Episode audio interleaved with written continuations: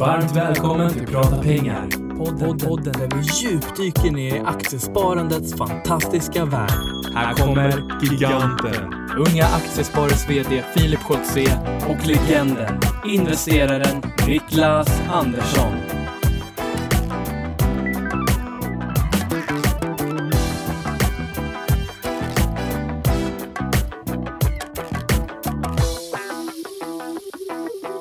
Då säger vi äntligen måndag och varmt välkomna till eh, podden Prata pengar.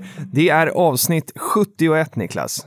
Det är 71 och du frågade om jag var redo att köra igång och jag sa vadå?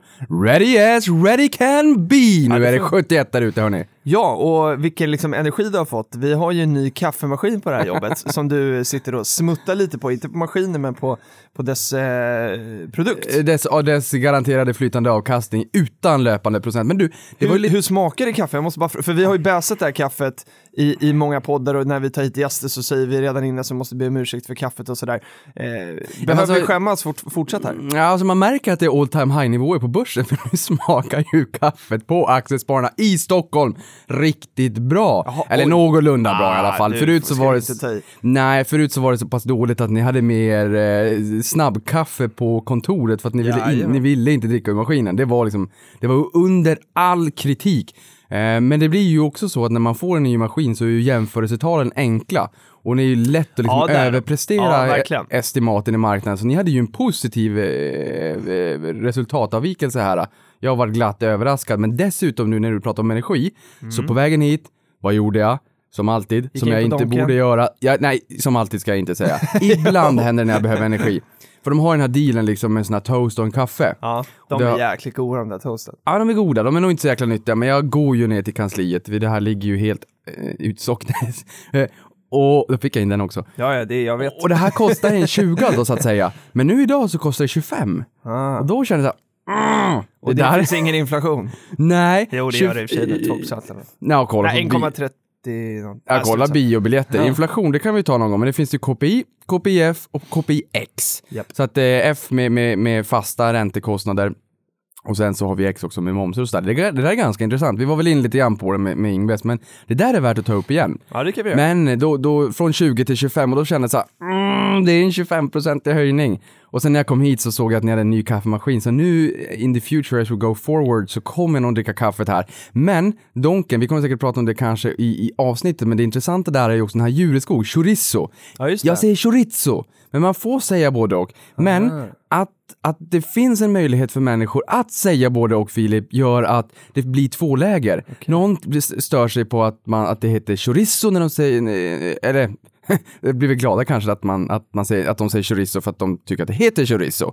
Och de som tycker att det heter chorizo stör sig på det, men det gör ju att reklamen fastnar. och jag var en gång på Donken, det är inte så där jätteofta, jag är ganska sällan där, nu låter det som att jag är där ofta, Varje det, det, fredag det, det är jag inte. Och då var det någon bakom mig i kön och bara chorizo, chorizo! Och liksom skämtade om den här reklamen och då, då fastnade jag alltså det där är fa- det fastnar i folks medvetande på samma sätt som när reklamfolk eh, stavar fel i reklam. För då stör man sig på det. Man läser reklamen, man tänker inte på det, man reflekterar egentligen inte budskapet mer än det undermedvetna. Men är det felstavat, Exakt. då stannar man upp och då ser man budskapet. Och det här är samma grej. Det finns ju en artist som heter Rihanna som sjunger om ett paraply och hennes uttal på det är ju också en, eh, ett sånt exempel. Det, det märks att jag är gammal för jag har ingen aning om vad du pratar om. Ja, men det måste du. ha. Nej, jag ska inte sjunga. Vi, vi släpper det. Ehm, efter förra veckans eh, podd så blev det, blev det lite livat i flödet. Det var folk som tyckte att jag hade kapat dig eh, i slutet på podden. Så att jag var Exakt. faktiskt eh, tvungen att gå in och lyssna på det där och jävlar vilken kapning alltså. Du, still going strong. Jag gillar att folk eh, skäller lite på dig när du kapade mig, för det var, en, det var ett riktigt halvrött kort det där. ja men det var så här. Eller var det det? Ja, jo, nej. Nej, Patrik det skrattar och för det han, var så här, han skakar jag- på, jag- han är alldeles supernöjd, han är hur lycklig som han helst tyckte det just var nu. Det var high five liksom och så var vi på samma lag. Eh, men det var liksom, eh, nej men du hade ju liksom snackat på ganska länge och sen var det så här, så såg jag på tiden att vi var på övertid. Och så bara pang, nu var det dags och, och liksom, hej då. Eh, men ehm, eh, Arvidsson skrev jag här då på, på Twitter att eh, jag skulle vilja veta vad investeraren ville säga i slutet av dagens Prata pengar innan han blev bryskt avbruten av Filip Schultze. Eh, smile också, så det, var, det är ju friendly ändå. Eh, och och då, då sa jag det här till, eh, till mina kollegor på kansliet igår att, att den här tweeten hade kommit in.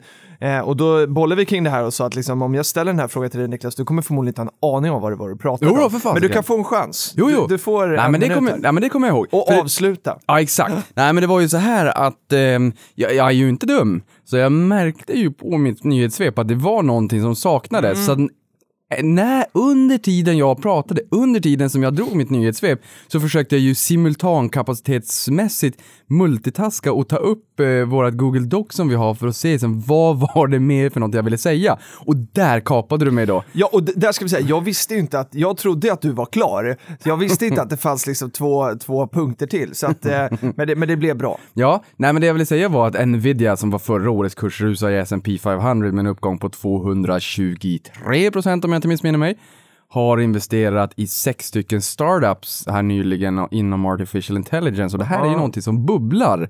Eh, och sen så vill jag också säga att Volvo var upp då i alla fall, det är väl nu fortsatt också, över 100 procent sen 6-7 januari förra året. Så att Volvo har ju fått riktigt fart under galoscherna och är ju den aktien som har presterat allra bäst i OMXS30. Grattis och kul för Gardell kan man väl säga som har fått man vänta ett decennium på, på det här. Men, men banne mig den som, eh, den som väntar på något gott. För slår man ut den här avkastningen man har fått den senaste tiden på tio år så är det väl liksom man behöver ju inte skämmas. Det är ju, slår man ut på tio år så kan det inte är superbra per år, men man behöver ju ändå inte skämmas. Nej, den är ju den är ju fullt godkänd. Så kul i alla fall. Och, Vad roligt. Och just det där, jag var och tränade igår också och då så här, flyga iväg igen. Nu, nu blir Filip så här rädd, han bara nej, Ja, säg, nej, nej, nej, flyg nej, inte nej. iväg nu så att det blir en massa. Men jag måste bara säga det här. Ja, det. Det, det, då var jag och tränade och, och min hjärna fungerar som så att när jag tränar så försöker jag flyga iväg på andra saker som är roligare. Mm. Och då lyssnade jag på en podd med, med för detta centralbankschefen Ben Bernanke som var med på, på eh, en av de amerikanska poddarna jag lyssnade på, eh, Planet Money, tror jag att det var. Och det här var ganska intressant när han pratade om housing bubble och, och varför de inte kunde förutse det och varför de inte fick upp inflationen till målnivån. För att det liksom är sysselsättningen och, och, och lönesättning och konfidens bland hushållen som i slutändan driver inflationen. Det var väldigt intressant. Eh, och sen sa de också så att central banking is boring because of a reason. Därför att när, när folk lär sig FOMC-protokoll och riksbanksprotokollen, vem gör det? Jag gör inte det. Och är man långsiktig så behöver man inte göra det för tid är en bristvara. Men folk lägger så otroligt stor tyngd i exakt vilka ord man använder, hur man använder. Vad säger de? Eh, det ena och inte det andra som egentligen är synonymer och vilket ty- väger tyngre än det andra. Och jag menar, det här har jag sett också, alltså, amerikansk, central, eh, amerikansk eh, finansmedia brukar rapportera hur många gånger i ett protokoll man använder ett eller annat ord och hit och dit. Alltså, That's the reason why it's boring. Det är för att man kan inte säga någonting. Och då är, var min tanke så här, hur stort signalvärde är det egentligen när de redan är liksom med på noterna och, och sätter orden därefter för att det ska vara mellanmjölk. Och sist men inte minst så slog också en, en grej i mig. Ehm, och det är så här, det kanske inte är av ondo att vi har negativa räntor, Filip. Varför? Nej men alltså i mångt och mycket så här, det, det är mycket som är negativt. Och jag menar det är så här, visst om du dricker en massa alkohol. Nej, inte minst att det är ett minus framför. Exakt, och, och, och, och dricker du en massa alkohol, eh, jättemycket, liksom, tycker det är jätteroligt och festar och hit och dit och så här, det, det kommer ju slå på levern långsiktigt men det kanske är ingenting du märker i det korta perspektivet. Nej. Så det finns väldigt många nackdelar, men en fördel som jag tänker mig, det är samma sak som om vi går tillbaka till millennieskiftet när det var håsen, IT-boomen. Det är väldigt billiga pengar och billiga pengar innebär att det är väldigt många marginalinvesteringar som görs. Det kostar inte så mycket pengar om man förlorar pengar. Man kan göra de här liksom lite galna investeringarna på marginalen utan att, liksom, utan att det gör jätteont. Och det gör att man kastar pengar på startups. Alltså jag ser massor med startups varenda dag. Om jag skulle få ta ut någonting jag ser i flödet, i flasharna i terminalen, så är och, och, i finansmedia, Twitter, det är väldigt mycket startups Filip. Och det, det är det du menar som är bra Och, då? och, ja, och, och många av de här, många av dem kommer kanske att fallera, precis som man gjorde 00 innan det mognar och sådär. Men jag tänker mig, mång, vissa av de här idéerna blir nog banne mig ganska bra. Skapa sysselsättning. Ja, men det tror jag också. Och, det- och det är ju väldigt positivt. Sen, sen ska man ju liksom, eh, jag, jag håller helt med dig. Det är få som förlorar pengar om, om, om det går åt helsike. Det är en liten skara människor, Mm. men, men de som går bra och som etablerar sig de startupsen är ju bra för samhället. Ja, men det så att det det blir verkligen. netto netto bra. Verkligen, men sen tycker jag det har liksom verkligen blivit en hås i, om vi bara tittar i våran värld och liksom med fintech och, och sådär, eh, så tycker jag det poppar upp sånt hela tiden som har fått 2 miljoner, 10 miljoner, 20 miljoner, 50 miljoner. Ja. Och, och så liksom går man in och tittar på men vad är det ni gör egentligen? Och så är det så här, ja, men det här var inget nytt. Eller Nej. liksom, det här är inget speciellt. Man har liksom eh, hittat på något coolt namn och så sitter man i någon cool lokal och så är det fintech eh, startup. Eh, och, Mm. ja, och, och Mm. där blir jag lite rädd. För, att, för då kan jag känna så här att, eh, att eh, ja men det är klart man kan liksom driva saker på ett nytt sätt och man kanske är bättre på att liksom attrahera kund och så vidare och få kund att förstå. Men, men, eh, men det är ingen disruption som är ett sånt buzzword i, i, i det här. Nej, nej precis. Jag behöver inte ta några exempel, men, men jag tycker jag ser mycket sånt. Så att liksom, är man inne och ska investera i såna här, så liksom, var, det gäller ju ändå att vara lite förs- försiktig, för även om pengar är billigt, så pengar är ändå pengar. Exakt, och man ska ha respekt för pengar. Men just den där key takeawayen där som jag sa, att det här är ju bra netto netto för samhället. Mm. Men det kommer ju innebära att investerare här och var kommer att ta smällar. Eh, Så är det. och här när vi pratar nu så pratar vi till, till våra lyssnare där ute som är också i mångt och mycket investerare. Så att det blir ju kanske lite nettonegativt för dem, för oss, för våra lyssnare om man investerar i bolag som smäller. Ja. Eh, men jag menar, alltså ett bra exempel, nu, nu, nu hittar vi sån härlig diskussion, alltså vi måste ju Ja, komma in ja, på men kör agendan på. sen. Men, men ett sånt där exempel är ju eh, HiQ som, som eh, byggde eh, Swish, eller Get Swish som det heter. Det är ju ett sånt där exempel. Heter det Get Swish? Ja, det eller bolaget heter Get Swish, men Ah, okej. tjänsten heter Ja. Swish. Så det där, det där är ju ett bra det är exempel som på Snap och Snapchat. Exakt! Snaps på, på börsen, på Nasdaq i, i, i... Nej, det var ju, för- det var ju Nyse. Nys... Nej, jag vet inte. Vi kollar. Acho, den är noterad på. Acho. jag kan kolla så pratar Ja, vi vidare. och, och, det, och det är just det där som, som är intressant också eh, när, när man faktiskt löser ett problem på riktigt Mm. eh, för konsumenten. Sen att det är liksom egentligen kanske ingen fintech banbrytande ungefär som när vi uppfann elektriciteten eller började flyga eller när internet kom eller vad den är. För det är fortfarande så här, okej, man ska skicka pengar mellan bankerna. Förut gjorde man det i Riks fyra gånger om dagen. Nu har man kreditkonton eller så här, man, man har krediter och det, man slussar pengarna förmodligen lika många gånger per dag egentligen, men det syns på kontot direkt. Så att det blir som att man ger kunden en kredit, men what, what comes around goes around. Eh, så att egentligen så är det ju inget banbrytande revolutionerande, men det är ju ett nytt bättre skal och gränssnitt för slutanvändaren. Ja, och eh, Snap är på Nyse, vilket Exakt. ju är lite konstigt. För På Acho. För, på Acho. Eh, för det är ju eh, eh, Nasdaq som är den liksom, klassiska teknikbörsen. säga. Exakt. Nasdaq är noterat på Nasdaq. Ja, det var också en diskussion på Twitter. eh, häng med i snacket där. Eh, för er som, jag tänkte vi ska ta elefanten i rummet. Vi har ju liksom skapat en förväntan till förra veckans avsnitt som inte eh, uppfylldes. Eh, det var att Isabella Löwengrip skulle komma hit. Eh, eh, hon kunde inte då eh, och så skulle vi köra den här veckan istället. Men igår eh, när vi skulle spela in så, så eh, fick hon förhinder. Eh, så hon kunde inte komma den här veckan heller. Eh, så att eh, vi eh, tycker det är jättetråkigt såklart. Eh, och eh, saker och ting händer ju, så att det är inget mer konstigt än så. Men det är lite tråkigt för alla lyssnare som har verkligen matat in fråga. Alltså, vi har inte haft någon gäst tror jag. Ja, kanske Ingves. Där vi har fått fler, ja Ingves absolut. Men, men eh, Eh, sällsynt så mycket frågor som vi har fått i det här avsnittet. Så att vi, eh, vi hoppas att vi ska kunna bjuda er på det, men det kommer nog eh, eh, bli lite längre fram, för vi har ett fullspäckat schema här nu eh, fram till sommaren. Så när du sa det att vi inte har fått in så många frågor från någon annan, såg du mina hundögon där? när du sa att vi fick ändå bra på Ingves. Ja, vi fick ju jättemycket på Ingves. Ja, Ja. jag var lite ledsen, fick lite hundögon. Jag tänkte om det var därför du, du svepte över sa okej, vi fick rätt mycket frågor på Ingves. Ja, också." nej, nej, nej, nej, nej, nej, jag, jag liksom kom på, kom på mig själv. Ehm, så så är det i alla fall. Men eh, vi har en fullspäckad agenda idag i alla fall. Vi har ju hunnit fram en bit. Eh, en grej som jag bara skulle vilja dra igen innan, eh, innan vi kör igång och det är att vi fortfarande söker teamledare på UP. Vi har liksom fallit lite på målsnöret. Ung privatekonomi. Ja, bra, tack Niklas. Du pratar Eh, så mycket fikonspråk, Filip. Ja, förlåt. Både Johan som är teamledare och Johan Weileman och sen Niklas Uppenberg har ju varit här och pratat eh, om Ung Privatekonomi och vi söker en ny Johan då i och med att han ska flytta till eh, Göteborg här.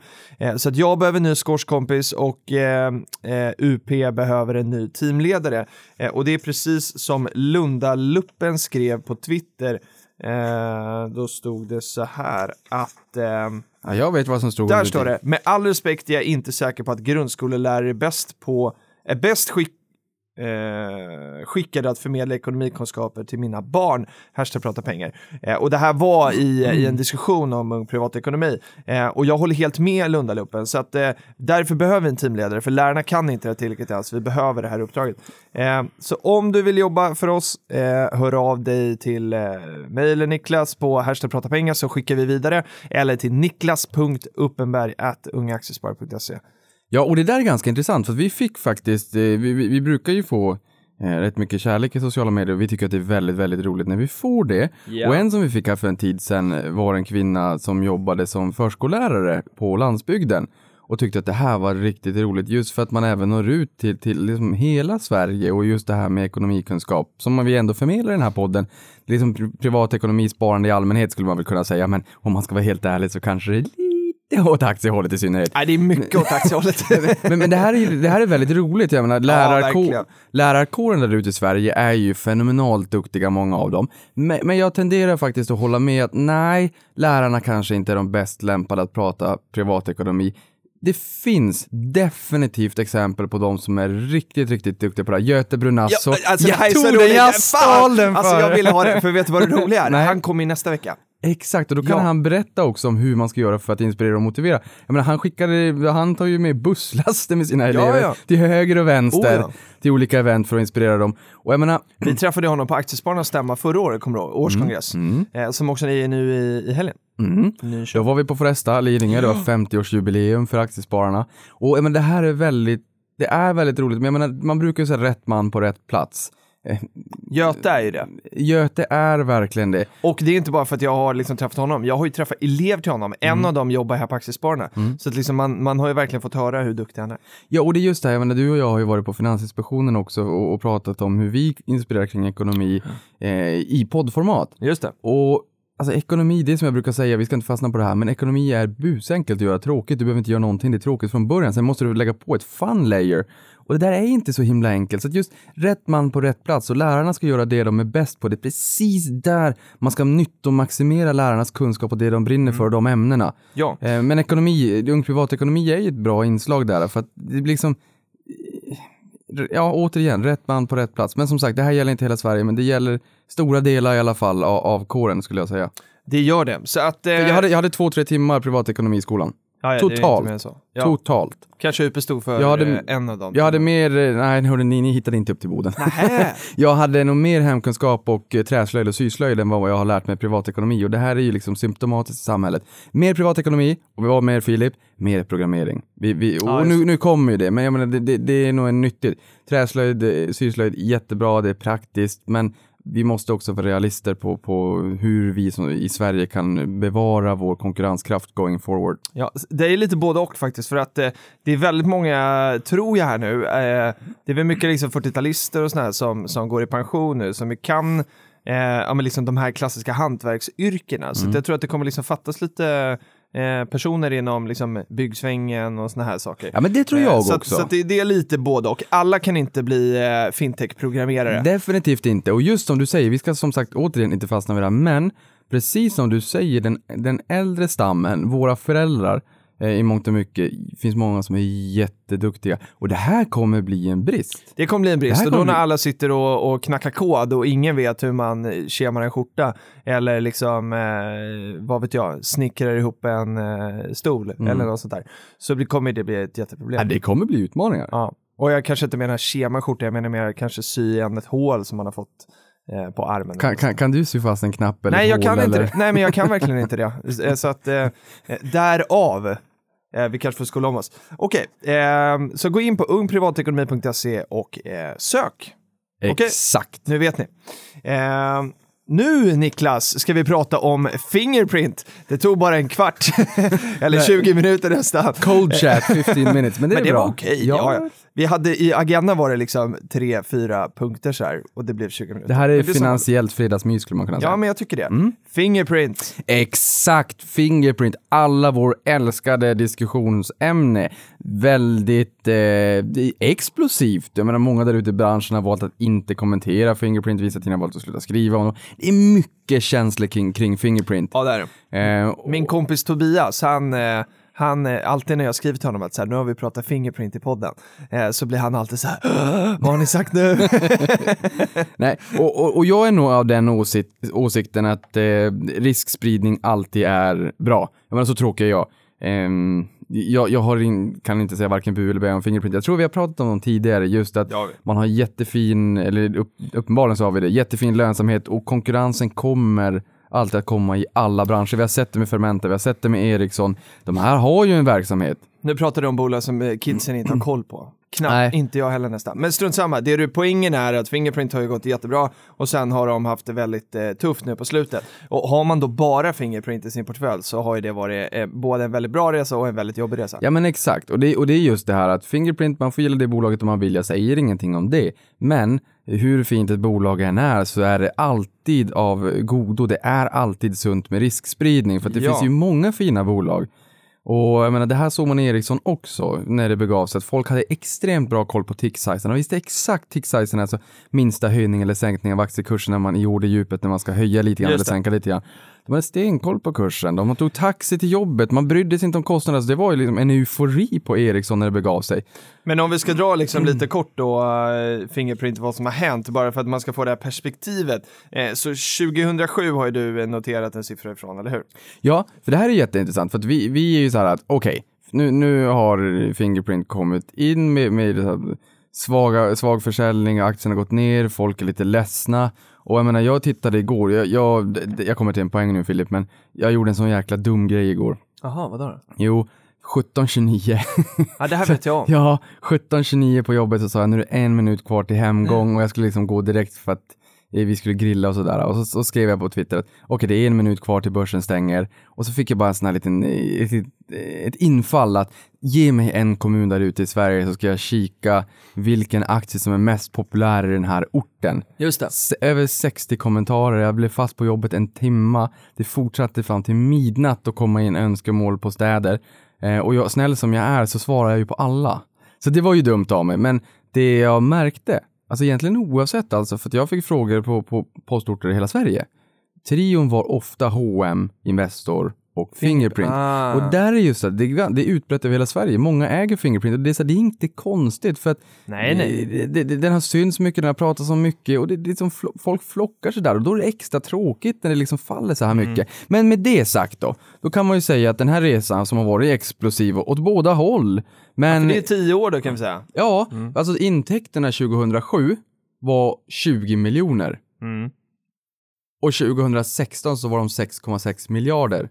Det är en resa. Det är en helt makalös resa, en explosionsartad resa.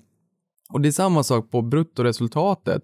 Och bruttoresultatet, det vet ni när vi har pratat H&M, man säljer en tröja för 100 kronor, man har en kostnad på, om vi ska vara på, på riktigt helt genuina, så, så har man en kostnad på 45 kronor för den där tröjan för att H&M har bruttomarknad på 55. eh, och sen får man kvar av 55 kronor, 55 procent. Ja. Här hade man ett bruttoresultat på minus 12,5 miljoner 2007 för att ha ett bruttoresultat på 3,1 miljarder Så 2016. produkterna var dyrare att göra än vad de sålde dem för. Nej men alltså, i mångt och mycket, att man, man, man har ju mycket så här, forskning, utveckling, man Ja, har tagit visst. fram de här produkterna Ja, ja, och sen visst. så tog det en sjuhelsikes fart. Mm. Och jag menar nu har vi ju fingeravtryckssensorer i, i alla lurar, paddor, allt vad det är. Och aktiekursen från 2007, 2 januari 2007 när vi började handla den här, Mm. till, eh, eller ja, så, länge, så långt bak som jag kunde hitta den här jämförelsen då. Till igår då, 4 maj, det var igår, det är för det 5 maj då. Så har aktien stigit 1718 procent. Wow. Mm. Eh, men från start till all time high så är det 6 500 procent. För att aktiekursen har ju gått ner ganska mycket från toppen.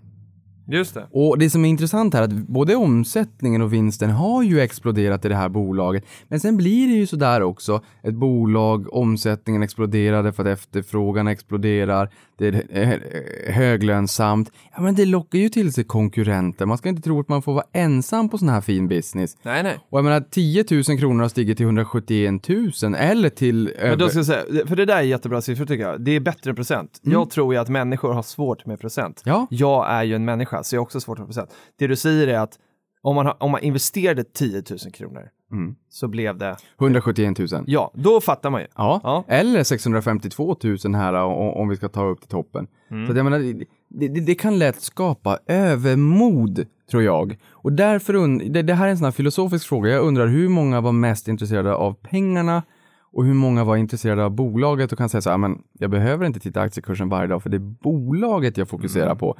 Eh, det där är en balansgång och det där, det, det där är liksom, det, det är någon give or take, alla har lite av båda delar. Ja, det är Men- klart. Men jag menar, det här är ju lite grann som om man har väldigt högt ställda förväntningar på sina barn och säger, som föräldrar, man har sett i filmer och sådär, att föräldrarna lever genom barnen, det är Ja, jättehöga krav på barnen, vilket brukar leda till, i alla fall i filmens värld, liksom att de gör revolt. Mm. Man går inte i den här skolan som föräldrarna eh, ville att man skulle göra, man blir utbildas inte inom det yrket eller det skrot som föräldrarna vill. Ja, men du vet. Det är så här, man ville själv bli hockeyproffs och så blev man inte det, så vill man att ungen ska bli det istället. Ja, ja men, och, Mm. Eller då, vad det nu och då är det så här att värderingarna och liksom förväntningarna har ju varit skyhöga. Mm, Det här är ingenting som säger att, att Fingerprint kommer gå i konkurs imorgon. Absolut oh, nej, inte. oh nej, oh nej. De kan liksom slå Det är det, här... fenomenet vi pratar om här. Ja, Mm. de kan slå all time high många gånger om i framtiden. Men det är just att det har varit så fruktansvärt höga förväntningar Mm. på bolaget. Men jag kan säga här, alltså, eh, liksom, eh, jag pratade med min kompis Tobbe här innan som har haft Fingerprint väldigt länge.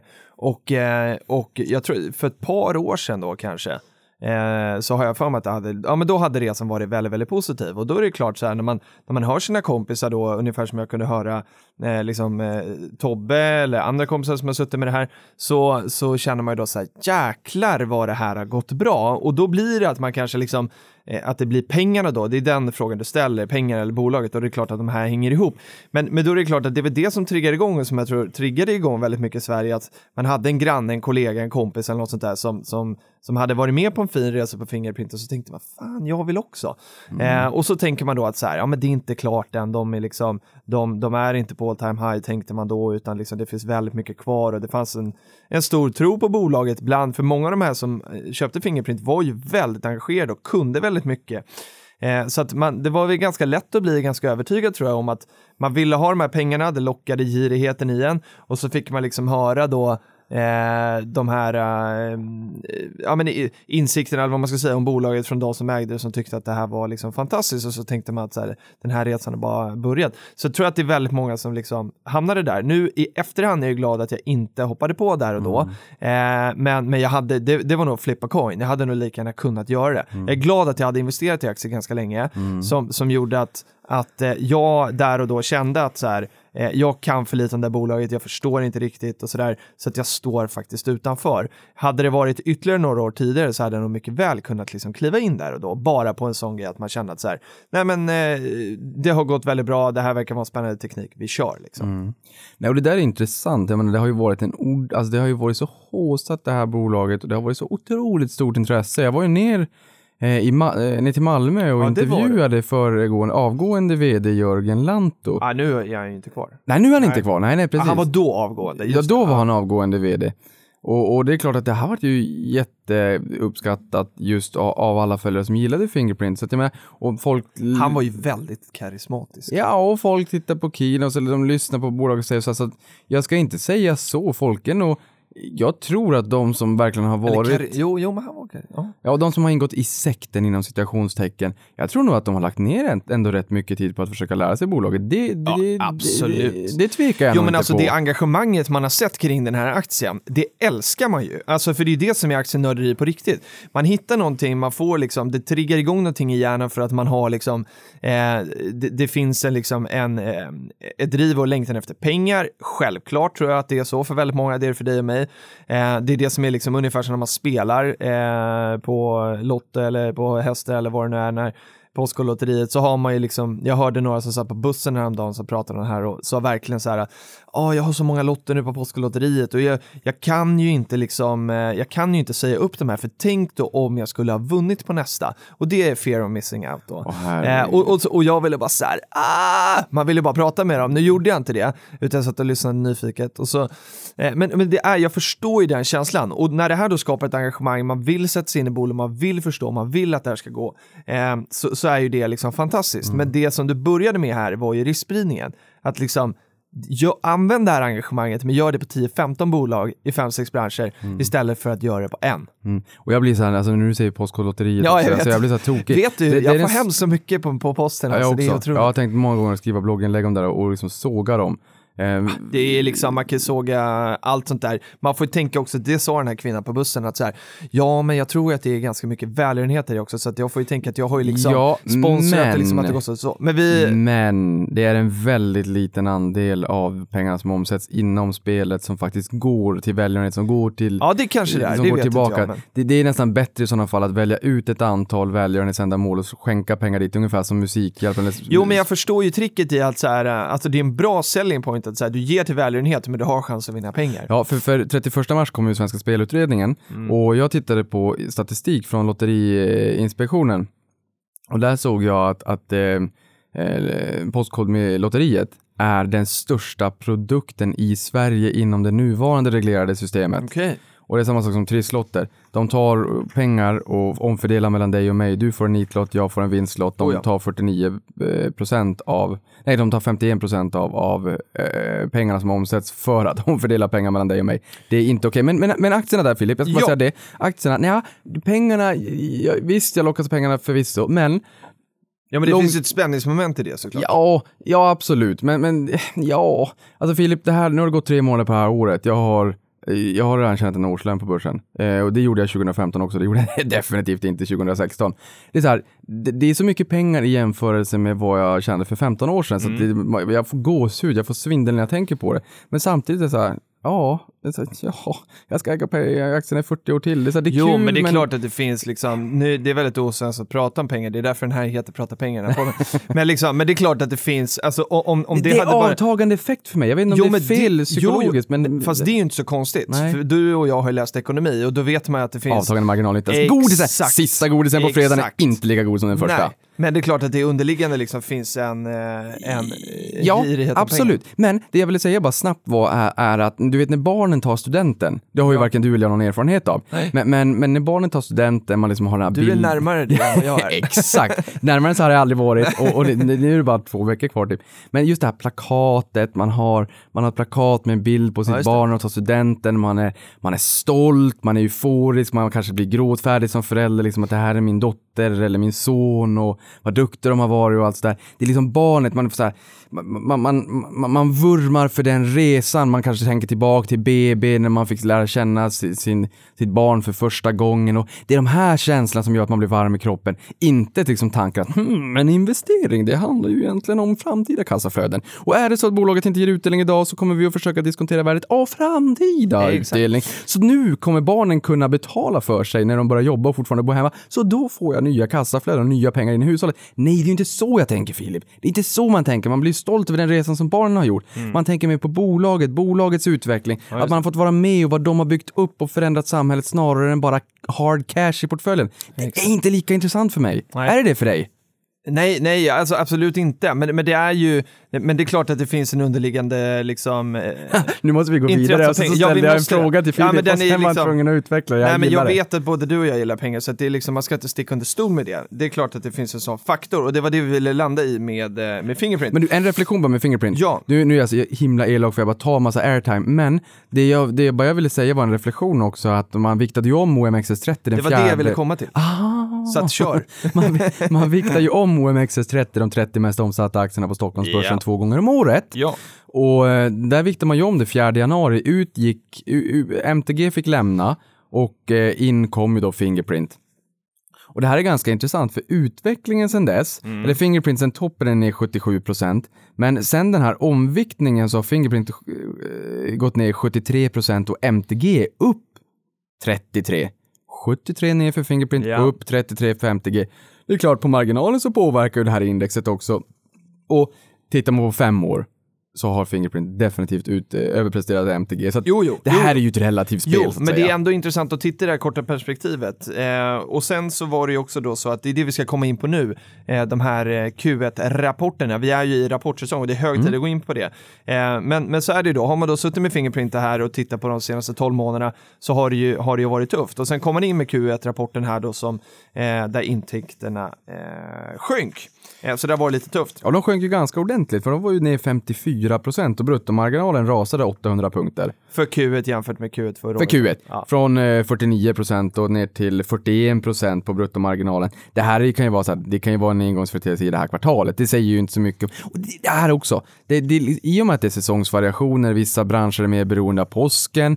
Så här, eh, Cloetta som ett exempel som jag brukar ta. Godis, jätteberoende av påsken.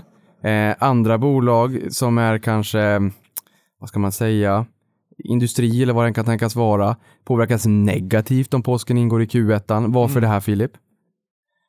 Därför, ja, men därför att i, om, om påsken ingår i Q1, Mm. det är ju jätteviktigt för godisföretag. Jaha, det är, Jag satt en, och läste i agendan här, så det- jag var inte helt med. ja, det käkas ju en massa jäkla Ja, ja. godis. Så det är ju nettopositivt för en aktör som ligger i, eh, om den är i Q1 eller Q2. Ja, Ja. men om påsken kommer i Q1 för ett verkstadsbolag Ja.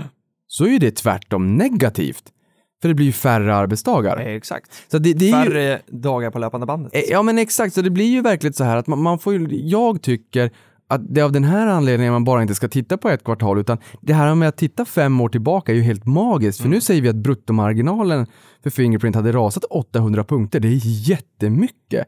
Men det kanske inte är så mycket notis att ta, det, det kanske inte är så viktigt att och ta 800 hänsyn punkter, hur mycket? det är 8 åt- procentenheter. Just det. Och det kanske är så här, okej, men det var i det här kvartalet, det, och då kanske man säger i vd-ordet redan i, i rapporten att det här är övergående till nästa kvartal. Det här var bara därför att och därför att. Så därför tycker jag att, att snarare titta över en femårscykel ger en mycket, mycket bättre bild än vad bara ett kvartal ger. Just det.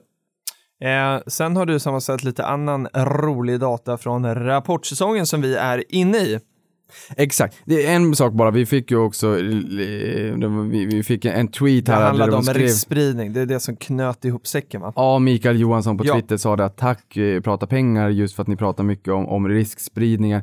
Trots att Fingerprint är ner idag så var, var det Mikael upp här 0,26. Och det här är ju otroligt roligt att se. Okej, ja, men det det är bra. Bra att du, att du stoppar mig lite där. För det var ju det vi ville knyta ihop säcken med ju. Att eh, låt det här vara ett av bolagen i portföljen och inte det enda bolaget i portföljen. Och det gäller inte bara Fingerprint, det gäller alla bolag. Exakt. Ja. Det gäller alla bolag. Eh, och sen som du säger, vi är inne i en rapportsäsong. Det var ju alldeles nyligen, tycker jag i alla fall, som vi stängde böckerna för 2016. Exakt. Boksluten har börjat trilla in. också. Boksluten trillade in, vi fick utdelningsförslagen, det är kommunikéerna börjar komma ut, man, man bjuder in till årsstämmorna. Där har jag lite kuriosa också, vars årsstämmorna hålls i OMXS30. Ja, det kan man kolla i flödet. Eh, Det kan man kolla i flödet. Men man kan säga så här, 58% av stämmorna hålls i Stockholm, väljer man med Solna, det är Atlas och H&M här Ja, så är det Solna 65%. är ju inte Stockholm, Nej, men, det är en annan diskussion. Ja, men då blir det det, är en 65. fotbollsreferens, Niklas. Men, men vilket bolag har sin, stäm, sin stämma mest norrut?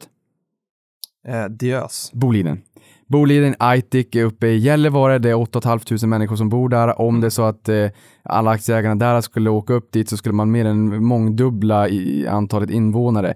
Längst söderut är ABB i Schweiz, västerut är Autoliv i Michigan, USA. Nog All om det. Så att, och nu- är vi då inne i, jag menar, vi har inte ens hunnit reflektera så har ju Q1 gått, januari, februari, mars. Vi har ju kvartal och tertial, men ta- kvartal är eh, vanligt på börsen, tertial är fyra månader. Eh, så att nu börjar Q1 komma och det här är ju väldigt intressant för att vi fick ju ett omslag egentligen i höstas mot mera Eh, vi, vi cykliskt, nej, konjunkturocykliskt eh, fick stryka lite på foten. Eh, då pratar man kanske Axfood och Ja. Ica och Telia och, och Tele2. Tele2 upp jättemycket i år förvisso. Ja. Eh, och, och sen så var det verkligt cykliskt som fick komma in i värmen och det här har ju fortsatt. Och just det här, läser du kvartal, kvartalsrapporter? Eh, nej, alltså nej det skulle jag inte göra. Jag kollar dem för, för mina egna bolag, men jag brukar ofta bara liksom läsa pressmeddelandet där jag får, liksom får ut ja, ja, men de viktigaste siffrorna för, eh, för det bolaget. Jag går sällan in på dokumentet, helt ärligt. Och, och det, det man kan göra där om man vill då, för tid är ju en bristvara och, och, och man måste ju nyttomaximera livet på något sätt. Då kan man ju titta på kommunikén, alltså i, i korta Ja, sammandrag. men det är den jag menar. Eh, och sen så kan man också läsa vd-ordet, Ja. att man får lite känsla för ja, det vad de sant. pratar ja, om det och skulle jag faktiskt kunna eh, ta som nästa steg. Ja, för det, det är ju bara en sida ofta. Eh, Ja, en, precis. två sidor. Att man får en känsla och det, den är nog extra viktig i det här kvartalet. Eh, Just av den anledningen att man märker att det verkligen börjar lossna för vinsterna. Mm. Och då vill man också känna, man vill också få en känsla för hur management i bolaget, hur de pratar om marknaden, det gångna kvartalet, Mm. hur de ser framåtblickande för året och sådär. Jag tror att Men jag är... tycker ofta de där orden, det är lite fina ord och det är lite samma som vi var inne på tidigare här, man, man sitter och granskar liksom vilka ord de har bytt ut och sådär. Eh, Ja, det, är Ah. det, är det är alltså högt och lågt, för det finns ju bolag som är riktigt duktiga på det här, där vdarna skriver sina egna vd-ord. jo, Sen finns det de som lägger ut det här på, på eh, eh, olika konsultbolag. precis. Och vad kallar man det för? IR, eh, Ja.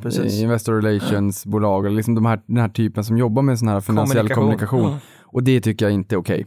Eh, Det är helt okej att lägga ut liksom årsredovisningen och Ja, men allt just sådär. vd-ordet, man vill ju ha personliga ord där. Ja, så, så försök hitta ägare av kött och blod som verkligen är karismatiska och där vd-orden är verkligen är genuina. Ja. Nåväl, då kan man väl säga så här att jag brukar ju säga att det är 342 aktier på Stockholmsbörsen, men vi har ju haft några IPOs. Ja. Och Stockholmsbörsen är ju large, mid och small cap. Yes. Så nu är det 347 aktier på Stockholmsbörsen. Eh, kuriosa, Stockholmsbörsens market cap 6800 miljarder. Eh, och sen så har vi 30 aktier i OMXS30. Vi har 29 bolag för Atlas Copco har både A och B i aktien där i då.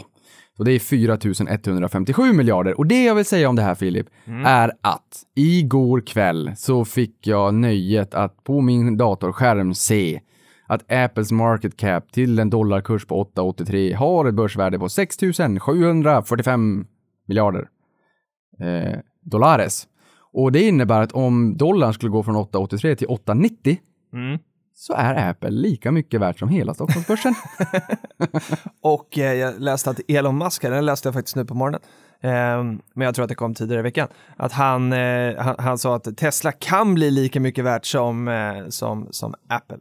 Ja, och det kan det. Och nu, nu har jag bara några bolag som är... Som Men har, det, vi ska säga att det är en jättelång eh, resa kvar dit. Jag tror att Tesla kanske värderas till 50 miljarder dollar och sånt där. Så att det är en jättelång väg kvar. Eh, Tesla, har. Tesla har en skyhög värdering per producerad bil. Så här är ju väldigt mycket förväntningar och förhoppningar. Exakt. Sen ska man också, in, eller man ska inte sticka under stolen med att Elon Musk verkar vara någon form av underbarn. In på YouTube och dok läs dokumentärer om han har gjort otroligt mycket. Mm. Eh, så det är ju verkligen en, en fantastiskt spännande människa.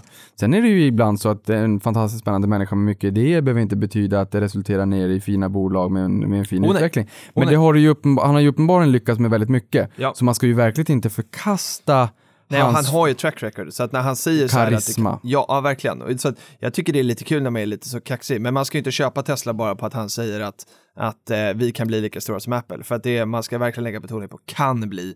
Det är Mm. inte, det, det är ingen garanti som vanligt. Nej, och köper man det så har riskspridning med andra bolag också. Ja. Men bolagen på börsen då, eller Mm. OMXS30, där har vi, för de som har gått bäst i år då, så har vi Volvo på pr- 37% upp. Sen har vi Tele2 upp 27%.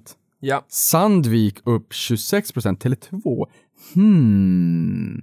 Kan det här ha någonting att göra med, tänk, kommer jag på nu, med Kinnevik, 18,5% stek i kom hem som ingen fattar att klia sig i skallen. Folk säljer Kinnevik, vad håller ni på med? Vet ni inte hur man skapar värde och pengar? Vill inte äga Kinnevik längre? Och sen tänker man, hmm, ser man inte skogen för alla träd? Kanske. Är det några synergier, kostnader, man, man får liksom en ny kundbas, man kan liksom, man får en bättre distribution. Ska, Ja, jag slå säljer ihop inte bolag? Kinnevik. Jag, jag tror ju eh, att, att det kan hända någonting här.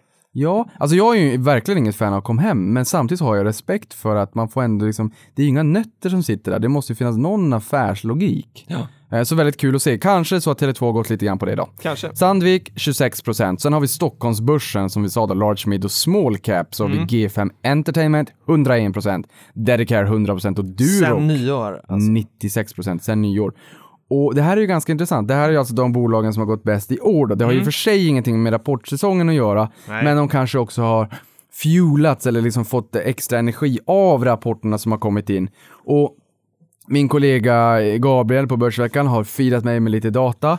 Eh, Det kommer i, i senaste numret också, men vi har fått lite tillgång till det här eh, och, och hur siffrorna har sett ut för den här rapportsäsongen. Och det kommer vi komma in till om en sekund. För, för, att, för att något nummer sen, Ja. så... Det är Börsveckan vi pratar om. Jo, det är alltså. Börsveckan. Vi är inte sponsrade. Nej, vi, vi är absolut inte sponsrade, det är bara att jag älskar dem. Eller jag älskar alla som tycker att börsen är rolig. Och, eh, Och där Ga- blev vi helt plötsligt sponsrade. Nej, nej, men, jag, jag, jag, ska, jag, ska, jag ska ge en shout-out att det jag tycker är roligt att Gabriel, även fast de är stressade och man ser att de är stressade och du vet att jag tjötar på som tusan, tar sig alltid tid. Det- Såna här människor vill jag ha runt omkring mig. Ja. Det är därför jag vill ha Men det er är två en runt stor omkring mig också. för att det är en kollega till dig.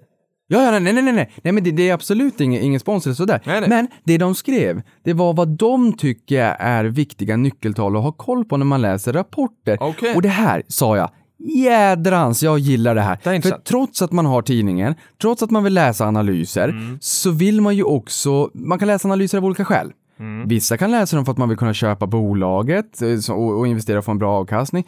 Sverige är en liten marknad. Ofta sticker kurserna direkt när tidningarna skriver om dem. Mm. Så det är ofta svårt att hänga med. Men det kan ju vara så att man också, aha, jag vill läsa det här för att jag vill lära mig hur de tänker och bli en bättre analytiker själv. Mm. Därför gillar jag den här typen av krönikor där man pratar om hur man blir duktigare själv. Och här var det ny- eh, viktiga nyckeltal. Och precis som vi har varit in på många gånger Filip, så omsättningsutvecklingen. Ja. En viktig punkt. Omsättning, det är syret i branschen. Försäljningen. Det är som att få en löneförhöjning och bara kunna sudda ut marginalskatten. Det är för det är ju nya pengar in i bolaget. Ja. Sen har man en slimmad kostnadskostym så kommer man också kunna få en rätt fin eh, bruttomarg- nej, bruttomarginal, men, men rörelsemarginal. För det är ju efter alla kostnader och sådär då. Och, och jag menar, det här är ju, eh, om man har slimmade kostnader så har man ju en operationell hävstång ofta. Och vad menar jag med det? En operationell hävstång. Exakt, jag menar en operationell hävstång. Och det är det som är så intressant, för är det så att... Eller är det det som gör, eh, hävstången kanske är att det är skalbart då? Att du kan göra, du kan liksom få mer output för samma kostnad? Ja, alltså om jag har en... en eh, eh, om vi, om jag, vi omsätter 100 kronor i vårt eh, joint venture, du och jag. Och, och 100 kronor. Och, och sen så måste vi ju täcka eh, löner Ja, och lite lokal ja. Och lite lunch Och lite lunch? och en julfest. Ja, kanske. Och därefter, alltså de måste vi täcka från början. Så första hundralappen vi omsätter är ju inte värt någonting egentligen i bolaget, för den där går ju tjopp, direkt till alla fasta kostnader vi har. Och sen så efter eh, den, den 51 hundralappen, den är värd lite mer. Men den sista hundralappen på marginalen, när alla fasta kostnader är täckt och allting, den är ju liksom, den är ju högexplosiv. Den är ju riktigt högoktanig, high powered money som Riksbanken brukar säga. Gå in och googla på det om ni vill lära mer om det. Den hundralappen är värd väldigt mycket. Det innebär att på marginalen när ett bolag får lite ökad omsättning, man kanske täcker liksom alla fasta kostnader, personal och allt sånt där. Det är rätt stor del av den hundralappen på marginalen på sista, alltså i sista hundralappen på året man tjänar. Det är rätt mycket rätt stor del av de pengarna som trillar rakt ner till sista raden. Exakt. Och det är det vi menar med operationell hävstång. Att om li- li- man har mycket av kostnaderna täckta, man får lite en 10% eh, försäljningsökning, topline-ökning, eh, omsättningsökning där då. Det kan slå jäkligt mycket. Så det här är intressant, det här är lite nördigt. Det vi, finns vill ha, vi vill eh, få fler nyckeltal här. Ja, förlåt. För nu rinner tiden. På fortraders.com så kan man också se bolagets operationella hävstång. Vi ska också, se- får jag bara säga det apropå att det Ja. rinner tiden? För jag får mycket kommentarer om det här. Att, eh, men vi lyssnar ju på podden och så här, så att eh, skitsamma liksom eh, hur lång tid det tar. Jo, abs absolut. Men, men när klockan är kvart i nio så eh, har både jag och Niklas ett jobb att ta hand om Okej, o- efter. okej, så vi kunde- där, jag ville bara säga det till alla, att så här, det är därför vi har en stopptid. Vi skyndar oss. Mm. Sen har vi lönsamheten. Eh, många tittar på lönsamheten på ebit-nivå, alltså rörelsenivå. Därför att rö- rörelseresultatet, se- sen eh, hur bolagen har finansierat sig, om de har skulder, lägger kapital, massa räntekostnader hit och dit, vilka skatter man betalar, beror på vilka länder man har sina legala säten. Det är egentligen ointressant för själva rörelsen. Ja. Så man tittar på rörelseresultat. Om det är för låg rörelsemarginal, Filip, så måste du sluta gå på hockey. Då kommer du få upp din rörelsemarginal. Så det är det man tittar på. Lönsamheten. Avkastning på sysselsatt kapital. Totalt kapital minus icke räntebärande skulder. Typ leverantörsfakturer som Axfood och Ica, där ska betala till sina leverantörer. det är ju skulder som ska betalas inom 30 dagar eller vad det då är, men de, de tickar liksom ingen ränta. Nej. Kassaflöde från den löpande verksamheten, de pengarna kan ju användas till förvärv och till att växa bolaget vidare, ge utdelningar till ägarna och sådär. Skuldsättningen och soliditeten. Ska vi nöja oss Vad, är, vad är det för skillnad på de två? Ja, men skuldsättningen, där brukar man titta på, eh, det, det, är liksom, det är skuldsättningen i förhållande till, till den löpande inkomsten. Alltså när man går till banken och ska låna bolån så brukar man säga, okej, hur många gånger årsinkomsten får jag låna?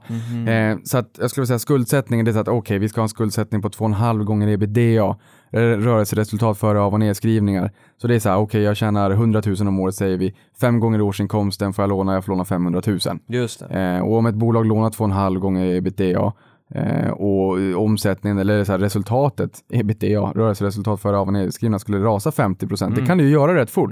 Vi får en finanskris, vi får en kris, vi har jättemycket höga fasta kostnader. På samma sätt som vi sa operationell hävstång, det funkar åt andra hållet också. Ja. Eh, resultatet bara tjopp i bolaget försvinner. Det innebär att man rätt snabbt kan komma upp i en nivå på ebitda på 2,5 gång. Mm. Springer ganska snart upp till fem gånger om resultatet halveras. Exakt. Så där, Och soliditeten då, så är Soliditeten. det mer lånen i förhållande till tillgångarna då? ja, för det, precis. Inte de löpande pengarna in? Exakt, inte lönen. Mm. Nej. Utan då är det snarare så här, okej hur mycket, vad står på min balansräkning? Hur stor är min förmögenhet? Vad har jag för eget kapital i bostaden i förhållande till balansomslutning? Bo, Mm. Bostaden är värd två miljoner, eget kapital på en miljon. Eh, det är mera den, så att det blir ju mera balansräkning och eh, skuldsättningen där. Det blir ju resultaträkningen, hur många gånger det löpande intäkterna eller löpande resultatet man har i, i skuldsättning. Just det.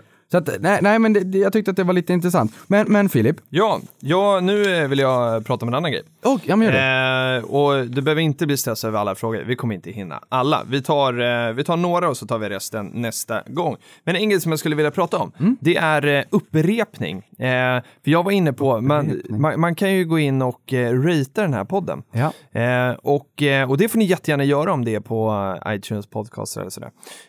Och, och då var jag inne och läste de här häromdagen, för jag hade inte gjort det på, på ganska länge. Och vi Mm. har fått jättefina eh, omdömen överlag. Åh, vad snällt. Men det är, det, det är några som skrivit där och ibland på Twitter också så här, att, eh, att vi upprepar oss ganska mycket. Ja, men då får du sluta med det. Ja, nej men då, då tänkte jag så här, och, eh, och jag ville koppla på det här till eh, också min kollega, jag tror att det var Johan Weileman som var här, som, som sa det också så här, nu när ni har kört podden lite drygt ett år så här, eh, har ni inte pratat om allt redan då?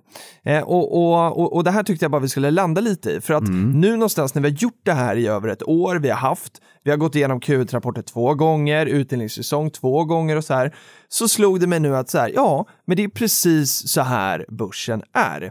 Eh, och det är precis det här som är kanske vår filosofi någonstans. Så att det, det är det är samma sak som händer år ut och år in, men det är alltid nytt innehåll. Exakt. Först var det åh vad tråkigt. Sen Ja, men bara, exakt, åh vad och det var glad det jag ville komma till. Ja, för det är det som är hela poängen, att, att någonstans är det så här att, vi pratade om det här Börslunch också tror jag, att det är liksom volatiliteten i marknaden, alltså rörelsen upp och ner, det är liksom, det är underhållningen, men vi ska från A till B liksom. Mm, Eh, och den resan vet vi hur den kommer gå, den ska ju gå upp, Mm. eller hur? Eh, förhoppningsvis.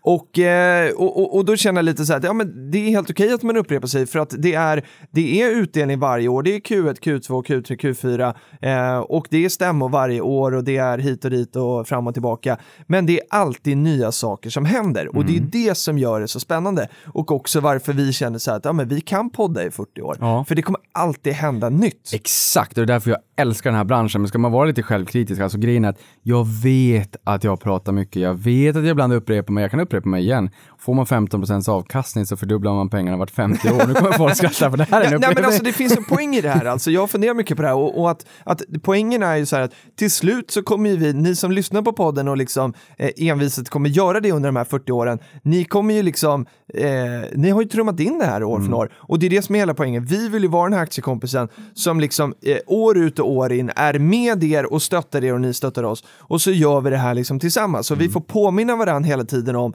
när liksom Fingerprint har gått upp, Fingerprint har gått ner. Under liksom, både i upp och nedgång så ska vi påminna, påminna varandra om att så här, eh, det är så här vi ska göra. Mm. Eh, alltid liksom. Ja, vi vill ju vara den kompisen som man kan hålla i handen just när börsen är, både när den är rolig och när den är tråkig, för vi kommer inte bara försvinna i flödet bara för att börsen kraschar och vi tycker att äh, det här var inget roligt och sen försvann vi i etern och sen så glömmer folk bort oss, utan vi kommer ju vara här i flödet hela tiden. Jag har varit i flödet hela mitt liv. Ja. Vi kommer fortsätta vara i det här flödet och vi kommer fortsätta diskutera det som är hot topic, som är diskuteras om just nu, för jag tror att folk behöver i mångt och mycket Ja, så här, vi men behöver det framförallt. Vi behöver också så här, men, ja, men hur ska man tänka då nu när det liksom är jobbigt och hit och dit? Och jag tror, liksom, det, det har vi också fått kommentarer på tidigare, men vad skönt att ni pratar om det här, jag har fått en annan syn på det här, nu är jag inte orolig längre, nu, nu kan jag till och med kanske till och med köpa här. Mm. Eh, vi har fått eh, exempelvis Novo Nordisk har haft jättejobbigt när de kom. Det var hård konkurrens i USA. Mm. De har gått upp en bra bit sen bottennoteringen och vi har fått många i flödet som har visat, prata pengar, köp den, gör som ondast. Mm.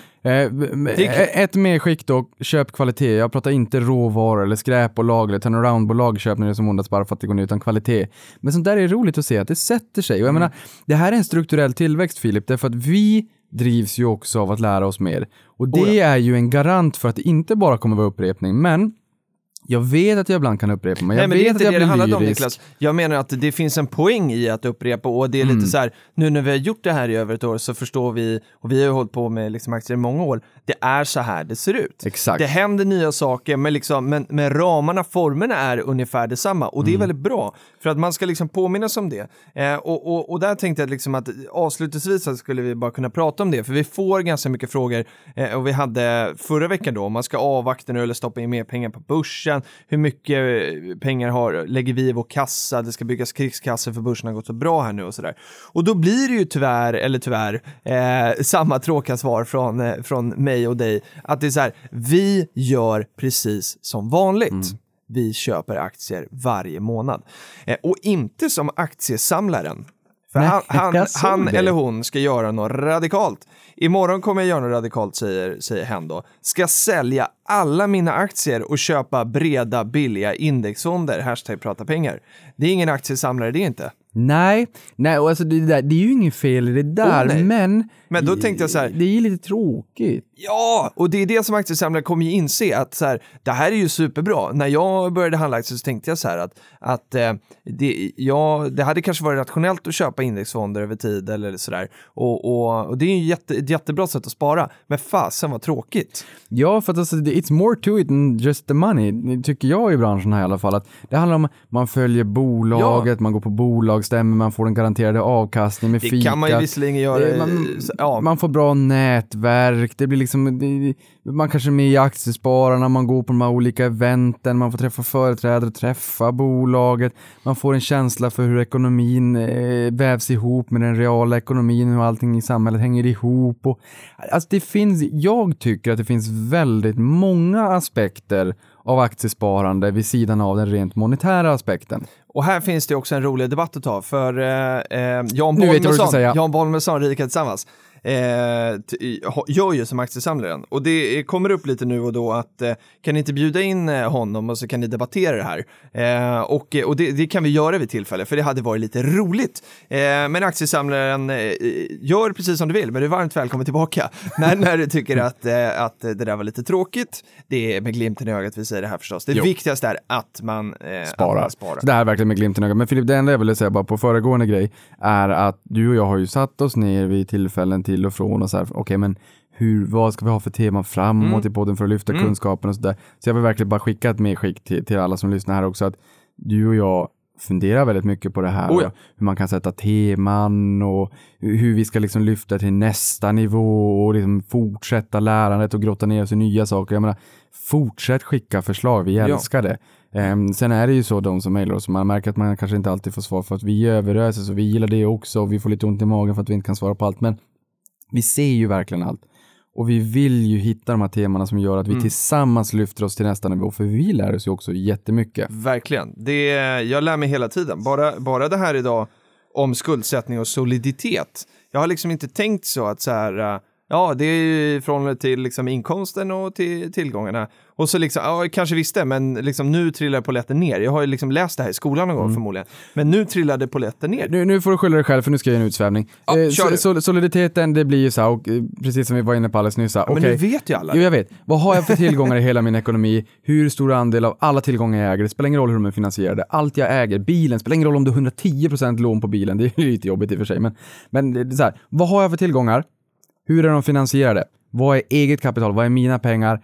Och vad är skuld? Och det lätt- lättaste sättet att komma fram till det egna kapitalet är att gå ba- bakvägen. Alla tillgångarna jag har, minus alla skulder jag har, då får du ett eget kapital. Det är en Mm. Exakt. residualpost som man brukar prata om. Det är liksom det överskottet, Vilket det är det som blir kvar.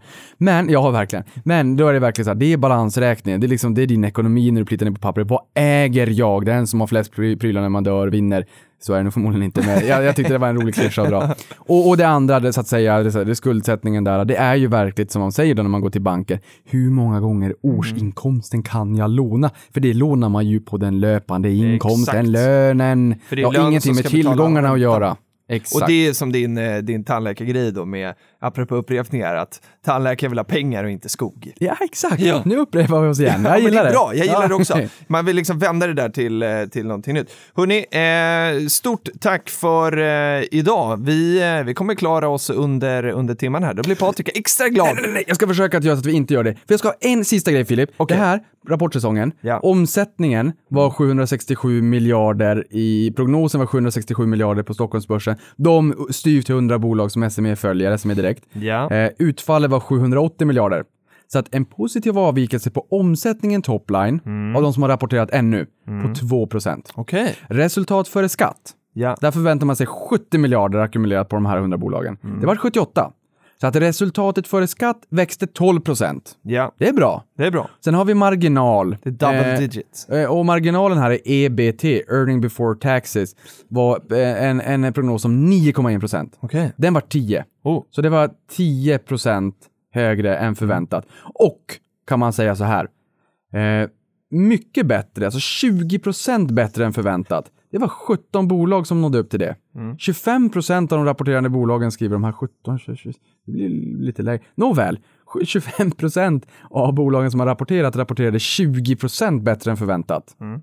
37 procent av bolagen eh, rapporterade 2 till 20 procent bättre än förväntat. Eh, 19 procent har rapporterat som väntat.